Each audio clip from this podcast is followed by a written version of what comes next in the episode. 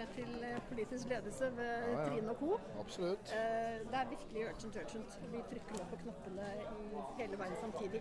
Nå, for det må skje noe nå.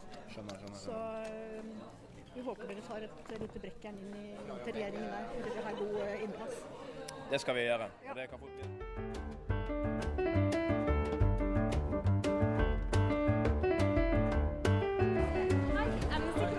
Krever lovlige veier folk på flukt. Hei. Ønsker du å signere? Det er kun en signatur.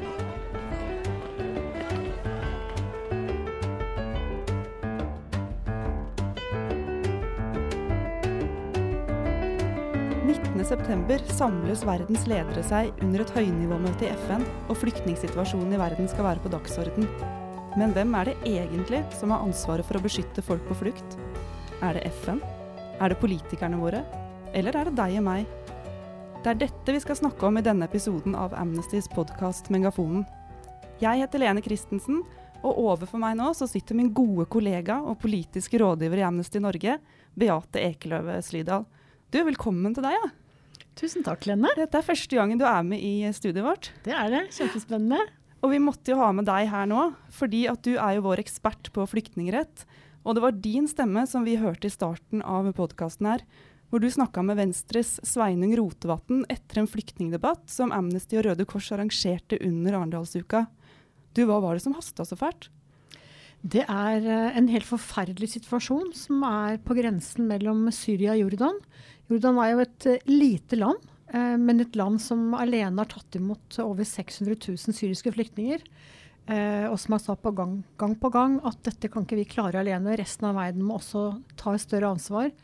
Ta imot flere flyktninger, f.eks. Eh, og så er det da fremdeles mange flyktninger som forsøker å komme ut fra, fra Syria og krigen i Syria og over til Jordan. Um, og så har da Jordan eh, ved gjentatte tilfeller begynt å stenge grensen sin fordi de, de, de klarer ikke å ta imot så mange. Og så var det en selvmordsbombeeksplosjon eh, tidligere i sommer som gjorde at Jordan sa nok er nok, og hvor de virkelig endelig stengte grensen sin. Og det har ført til at eh, over 80 000 mennesker, syriske flyktninger, kvinner og barn, nå er totalt strandet på denne grensesiden der mellom grensen på Jordan og Syria. Eh, de har ikke fått ordentlig tilgang til mat og vann og medisiner. Eh, og de som virkelig trenger hjelp, får det ikke. Eh, og da har vi grusomme historier om eh, mammaer som blir barnløse fordi barnet de føder dør under fødsel. Det er nyfødte barn som ikke får noen mamma fordi mammaen dør mens hun føder dem. Og det er fortvilte foreldre som kommer med barna sine som har virkelig alvorlige skader etter bomber og granater under krigen. Som blir stanset på grensen og nektet å komme inn til Jordan for å få medisinsk behandling. Og som da må vende tilbake igjen til, til eh, krigens Syria. Så dette er en desperat situasjon, og hvor Amnesty har sagt gang på gang nå til resten av verden dere må gjøre noe, det må skje fort. Og det har vi også sagt til norske myndigheter. Her må dere gå i dialog med, med Jordan.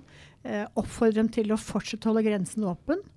Eh, men også vise at Norge vi vil også være med å ta ansvar. Ikke la Jordan være alene om det. Og Derfor sier vi at Norge, dere må si til Jordan at vi er villige til å hjelpe med penger og teknisk utstyr, slik at det er mulig for dere å kanskje ta dem imot. Men like mye å skulle si at vi vil ta imot flere av flyktningene, vi også, slik at ikke alle skal bli i Jordan. Men har eh, norske myndigheter gjort noe? Så langt har vi ikke fått noen eh, tilbakemelding på at Norge f.eks. har tenkt seg ganske raskt å skulle ta imot flere flyktninger. Nei. Men hvordan er situasjonen akkurat nå på grensa mellom Syria og Jordan?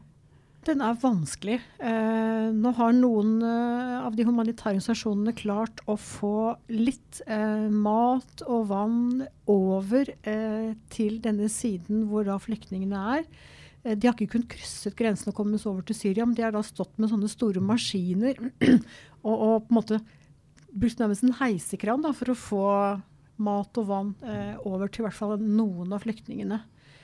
Men, men dette er da mennesker som da er eh, mer eller mindre overlatt til seg selv, mens verden eh, diskuterer eh, hvordan man skal unngå at flere kommer til Europa eller til den vestlige delen av verden.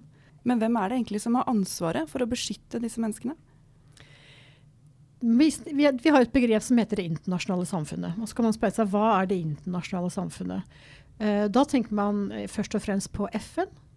Og hva er FN? Jo, FN er jo alle FNs medlemsland. F.eks. Norge og alle andre land. Vi er det internasjonale samfunnet, og vi må ta ansvar for, i denne helt prekære situasjonen som verden står i i dag, å ta imot flere flyktninger. Sørge for at uh, FNs hjelpeprogram får flere penger som gjør det mulig å kunne drifte flyktningleirene f.eks. i Syrias naboland på en enda bedre måte enn de gjør i dag. Og så handler det også om at man må være villig til å gå de rundene det er, og forsøke å få slutt på krigen i Syria få slutt på de konfliktene og andre krigene som skjer rundt omkring i verden, og som gjør at mennesker må flykte. Vi spurte Ingjerd Schou fra regjeringspartiet Høyre om akkurat dette under Arendalsuka.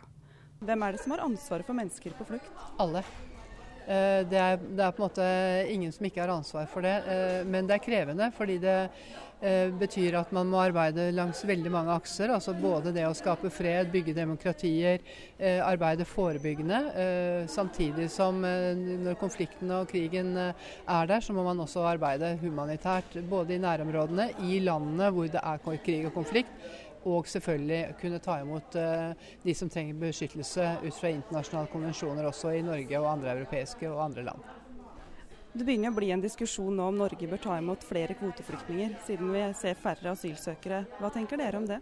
Jeg tenker at uh, Den situasjonen vi hadde i fjor og i begynnelsen av dette året var helt ekstraordinær. og Det viktigste nå er å få gjort uh, godt nok arbeid med integrering. Det ser jeg at uh, kommunene er godt i gang med, men man strever fordi antallet er stort. Og vi har altfor mange fortsatt i mottak.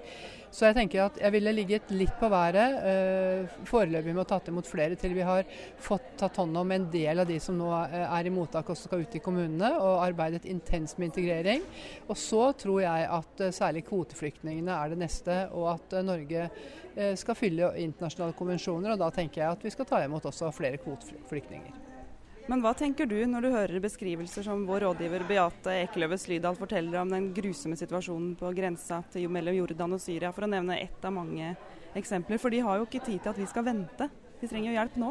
Nei, jeg tenker at det er, det er helt forferdelig. og det er, det er, den situasjonen, men det er også mange andre situasjoner. Men eh, det er også slik at det internasjonale samfunnet må dele byrdene. Eh, og det gjør vi ikke i dag.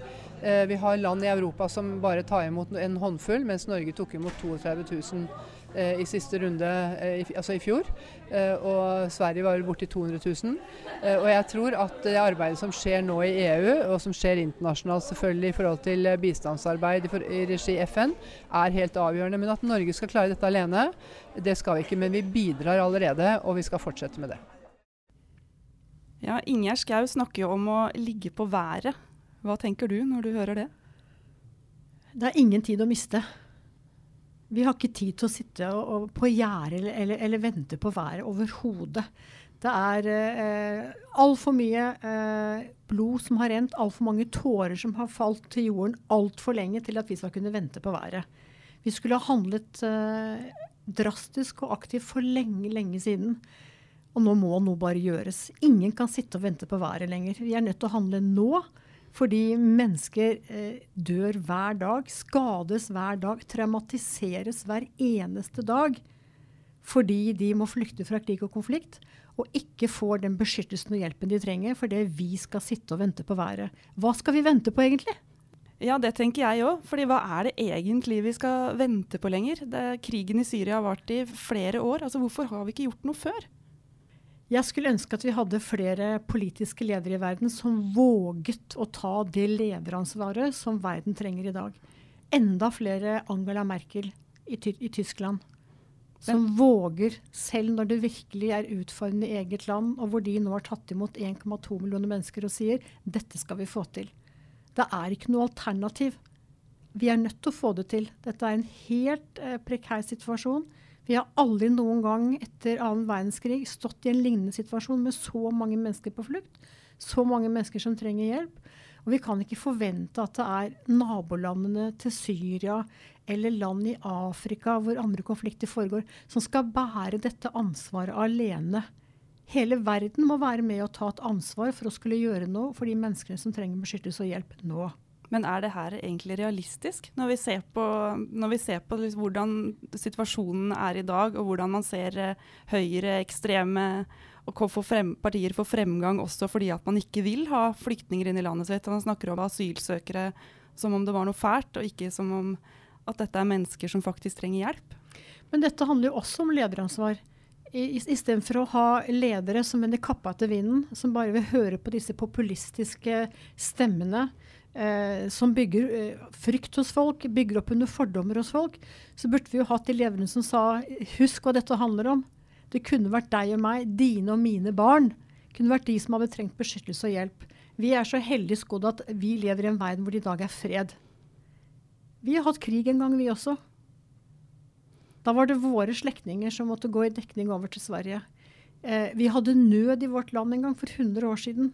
Så var det altså en folkevandring fra Norge over Atlanteren til USA. Og de som gjorde det, de ble sett på som helter. Så modige som har ansvar for eget liv. Altså Historien eh, må ikke glemmes. Vi må prøve å se oss selv i de som er på flukt i dag. Og der igjen å, Tenk å ha hatt noen ledere som våget å stå opp og skulle virkelig snakke om menneskeverd, og at dette skal vi klare å få til, er dette det handler om. Framfor å, å bare føye seg etter og, og, og, ikke våge å ta ansvar de burde gjøre når, når motkreftene er så sterke. Og mennesker som må flykte, de flykter de. Og de vil komme hit. Enten vi vil eller ei, så vil de komme hit. Og da er det bedre å få på plass gode internasjonale systemer som er forutsigbare med tanke på hvor mange kan hvert land ta imot, hvor mye skal det koste, hvordan kan vi samarbeide. Og disse tingene presser seg jo nå frem, fordi nå foregår det veldig viktige forhandlinger i EU.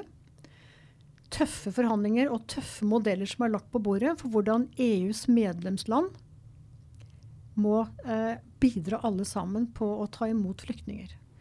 Det foregår forhandlinger som nå snart skal se, eh, bankes på, på, møter i New York om det samme. Så på et eller annet tidspunkt så kommer dette til å presse seg frem. For det, er, det finnes ikke alternativer. Vi kan ikke vende ryggen til, lukke øynene, holde for ørene. Mennesker på flukt er der ute. De forsvinner ikke. Men i sommer så samla jo alle verdensledere seg i regi av FN for å snakke om en avtale om hvordan man kan fordele ansvaret for flyktningene i verden. Men der skjedde det jo fint lite.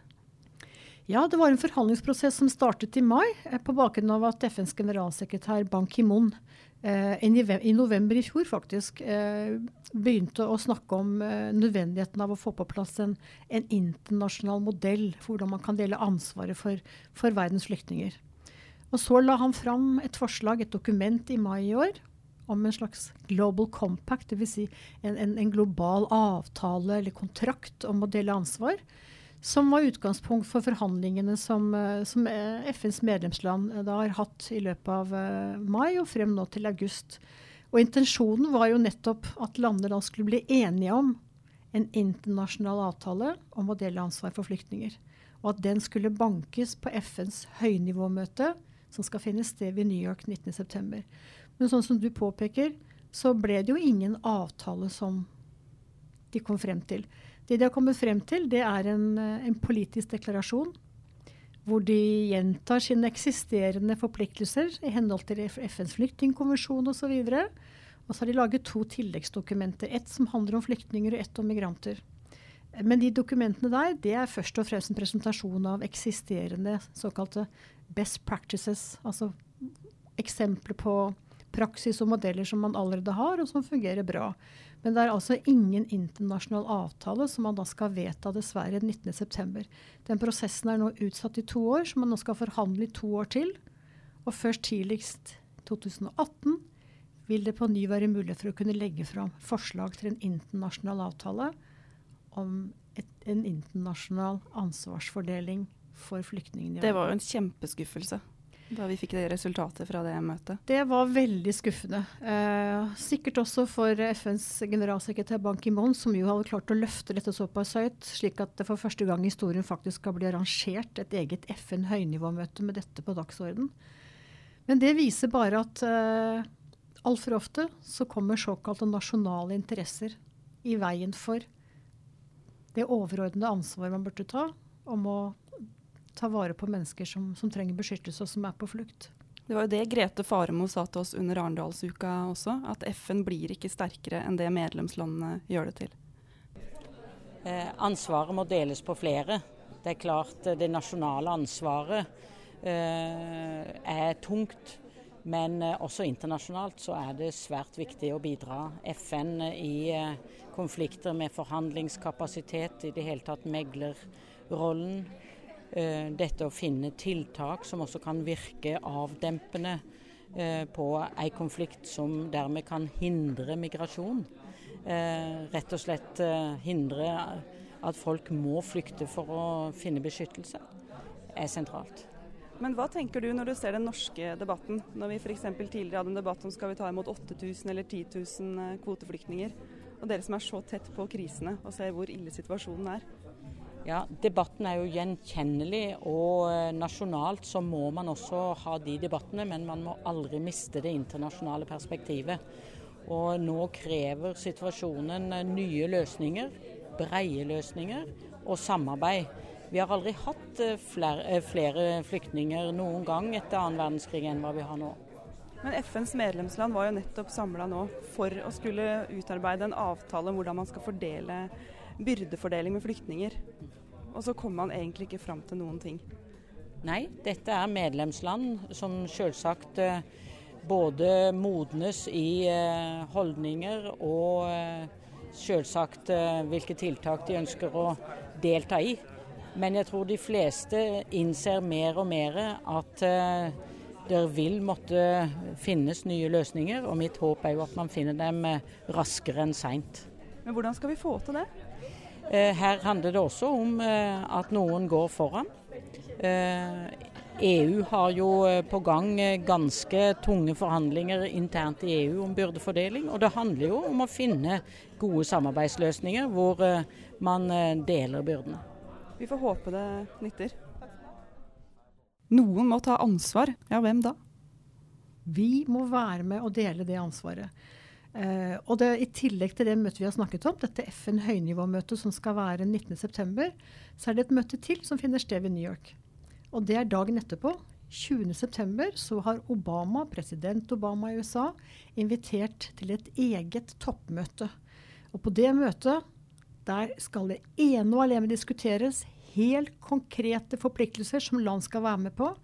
Og hans mål er at man klarer å øke landenes bidrag til ulike hjelpeprogrammer med minst 30% At man klarer å få med i hvert fall ti nye landsponsorer til å bidra med økonomisk støtte til alle hjelpeprogrammene. Og at man klarer å doble antallet flyktninger som blir tatt imot i verden. Men eh, du kom jo tilbake her fra et møte med Utenriksdepartementet, Beate, og du var ikke kjempeblid da du kom tilbake til kontoret? Nei, fordi jeg var på et møte i går i Utenriksdepartementet eh, hvor statssekretær Tone Skogen eh, fortalte om eh, hva som vil være Norges prioriteringer bl.a. på FNs generalforsamling, men også om eh, at Norge er invitert av Obama og takket ja til å være til stede under dette toppmøtet, som da er Obamas eget toppmøte. Der skal statsminister Erna Solberg være med. Eh, og det er klart at når da den fagansvarlige i UD veldig raskt begynner å fortelle om alt Norge gjør, når hun begynner å fortelle om at uh, ja, Norge er en av de aller, aller viktigste og største finansielle bidragsyterne til bl.a. FNs hjelpeprogrammer, hvilket er helt riktig. Og det skal Norge ha kreditt for. Norge er virkelig en helt avgjørende uh, bidragsyter til disse programmene, og det er superflott. Men så fortsetter hun da å fortelle om at uh, Norge tar imot så mange kvoteflyktninger. Eh, og at man som følge av eh, alle disse kvoteflyktningene eh, får så mange som kommer da på familiegjenforening. Og at Norge tok imot over 30 000 asylsøkere i fjor. Eh, med andre ord så legger hun da opp til en slags sånn forsvarstale for å legitimere at vi kan ikke forvente at Norge skal bidra med så veldig mye mer. Men Hva slags signal er det det sender til alle de andre som deltar på det møtet? Jeg håper jo at på det møtet som Erna Solberg skal delta på, at dette ikke er det eneste Norge har tenkt å si. At de velger å altså de så, jeg, vel, jeg, håper at de har valgt å takke ja til invitasjonen nettopp fordi de har tenkt å bidra med mer enn det man gjør nå. Det er hele intensjonen til Obama med dette møtet. Det er at mer må gjøres, og at de som takker ja dit til å være med på møtet, deltar med vissheten om at jeg forventer at de skal kunne bidra med mer. Og da antar jeg kanskje at Norge vil bidra med mer finansielt, og det er kjempeflott. Men jeg håper virkelig at Norge sier at det er klart vi skal brette opp armene. Det er klart vi kan ta imot flere flyktninger til gjenbosetting i Norge. Og det må vi jobbe for. Men hvor sannsynlig er det at vi kommer til å si det? Det sterkere vi og andre sammen med oss klarer å uttrykke dette som en klar forventning overfor Erna Solberg og den norske regjeringen, det større mulighet er det jo for at de vil komme på banen og si greit, vi skal også vurdere å ta med flere kvoteflyktninger. Vi må vise dem at vi forventer intet mindre, og vi er de som gir dem vår stemme.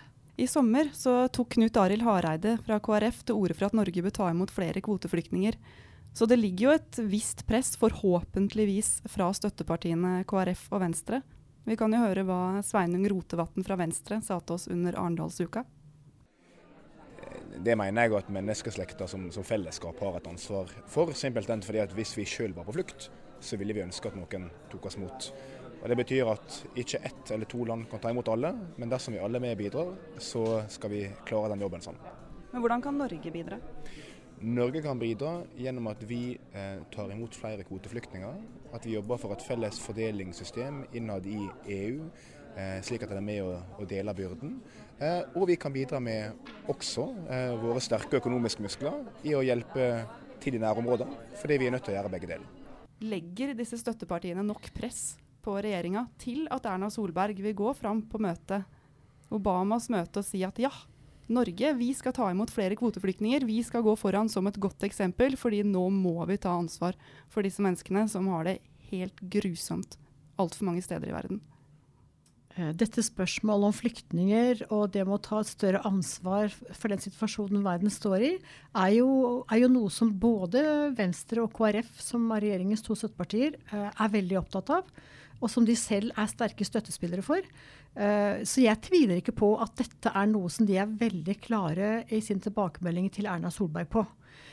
Og så er det ikke sikkert det er nok. og Derfor jeg understreker igjen at dess, dess, det sterkere vi klarer å få dette budskapet frem, med støtte av så mange som mulig, så øker sannsynligheten for at Erna Solberg og regjeringen vår forstår at dette er ikke bare noe man forventer hjemme i Norge, men det er det vi vil støtte dem på å gjøre.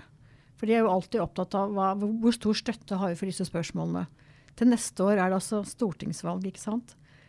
Alt de er opptatt av, er jo Vi sitter i fire år. Hvordan skal vi sikre at vi får fire nye år? Og det er det du og jeg som stemmegiver i Norge som kan bidra til å påvirke. Med andre ord påvirke hva slags regjering får vi. Hva er det de skal prioritere? Vi må gjøre det klart at dette er vår forventning. Norge må gjøre mer. Flyktninger ble jo tema under lokalvalgkampen i fjor, så vi fikk jo til å få det opp på eh, agendaen da ivrige Amnesty-aktivister eh, i vår Arendalsgruppe. Dere har jo vært med og bedt eh, norske kommuner ta ansvar i en dugnad kjempelenge. Syns dere de, de har gjort det de skal? Ja, Det er virkelig gøy, for det var vår aksjon i fjor. Å jobbe for at kommunene skulle ta imot uh, flere flyktninger. Og så ser vi nå, jeg leser i avisen, at de tar imot 17 000 uh, og bosetter 17 000 flyktninger og asylsøkere i år. Og det er helt fantastisk. Så det kommer jo også fram i debatten her om at, eh, at det er en hel Det har snudd uh, stemningen for å jobbe og ta imot. Her har jo dere vært med og skrevet brev til ordfører og ja. Har dere fått fine svar, eller? Ja, jeg syns jo at vi fikk mange fine svar. Og, men vet du hva, jeg har veldig lyst til å ta én historie vi opplevde på ferja inn nå kom den lokale barnehagen inn med små tre-fireåringer. Og en av de var Ahmed fra Syria med de skjønne, brune øynene. Som hadde Elias eh, vest på seg, og så kunne han si ett ord, og det var båt. Og han er nå i ferd med å lære seg norsk og har vært i barnehagen siden juni. og da, i denne sammenheng så blir man veldig optimistisk og ser hvordan disse ungene blir tatt imot. altså. Å, for en fin historie. Stå på videre. Ja. ja, nettopp dette her utrolig folkelige engasjementet som jo har vært veldig tydelig eh, i dette spørsmålet. Eh, denne dugnadsviljen som jeg egentlig vil si dette viser, både blant vanlige folk eh, og politikerne i kommunestyret og kommuneforvaltninga rundt omkring, viser jo at dette er et spørsmål som opptar folk. De aller fleste har en mening om det, på godt og vondt. Eh, og det er fantastisk å se hvordan de som virkelig engasjerer seg i det å skulle ta et ansvar og si at dette skal vi få til, eh, vi må få det til, og, og er mer opptatt av hvordan i så fall skal vi gjøre det, enn at dette ikke går. Det er utrolig inspirerende. Og vi ser jo at eh, denne folkeviljen, hvis vi kan kalle det slik, når den kommer til uttrykk overfor lokalpolitikere, regionalpolitikere osv., uh, så gjør det en enorm, eh, enorm, effekt. Den gjør jo at de ser at her er det backing på grasrot til at de kan ta det videre inn i de ulike arenaene i sitt parti, løfte det opp til topps og vise at dette her er det folkelig støtte for. Men uh, for folk som hører på denne podkasten her, og som har lyst til å si til Erna før Obama-møtet, før man skal fordele ansvar, hva er det folk kan gjøre? La det bli synlig og hørbart at de har en forventning til at uh, Erna Solberg, vår statsminister og vår regjering, når de sitter rundt bordet med president Obama, som har som overordna mål at man skal få med flere av verdens land til å ta et større ansvar, så er Norge en av de som står frem og sier at dette skal vi være med på. Ja, Og så kan man jo bruke sosiale medier også, f.eks. Twitter. Absolutt. Og bruke emneknaggen 'ta ansvar'. Det er det i hvert fall vi i Amnesty oppfordrer folk til å gjøre nå. Jeg håper, at, eh, jeg håper, det er mange som kommer til å tvitre til statsministeren og si det. Og si ta ansvar, vi veit vi kan hvis vi vil. Ja, det håper jeg de gjør, for det, vi ser at, uh, at, det har effekt. Du må ikke tro at nei, hvilken betydning har det at jeg liksom sender en twittermelding. Jo, det at akkurat du sender din twittermelding til statsminister Erna Solberg og sier vi vil og vi kan stå frem i New York med Obama og si at vi skal være med og dele ansvaret, det har effekt på Erna Solberg. Hun er som deg og meg selv om du er statsminister. Med de ordene der fra deg, Beate, så, så runder vi av denne podkasten. Hvis du ble kjempeengasjert nå og sender en twittermelding, så kan du også gå inn på amnesty.no slash trygge veier og signere aksjonen vår og kreve at mennesker på flukt får trygge og lovlige veier til eh, Europa. Tusen takk for at du hørte på.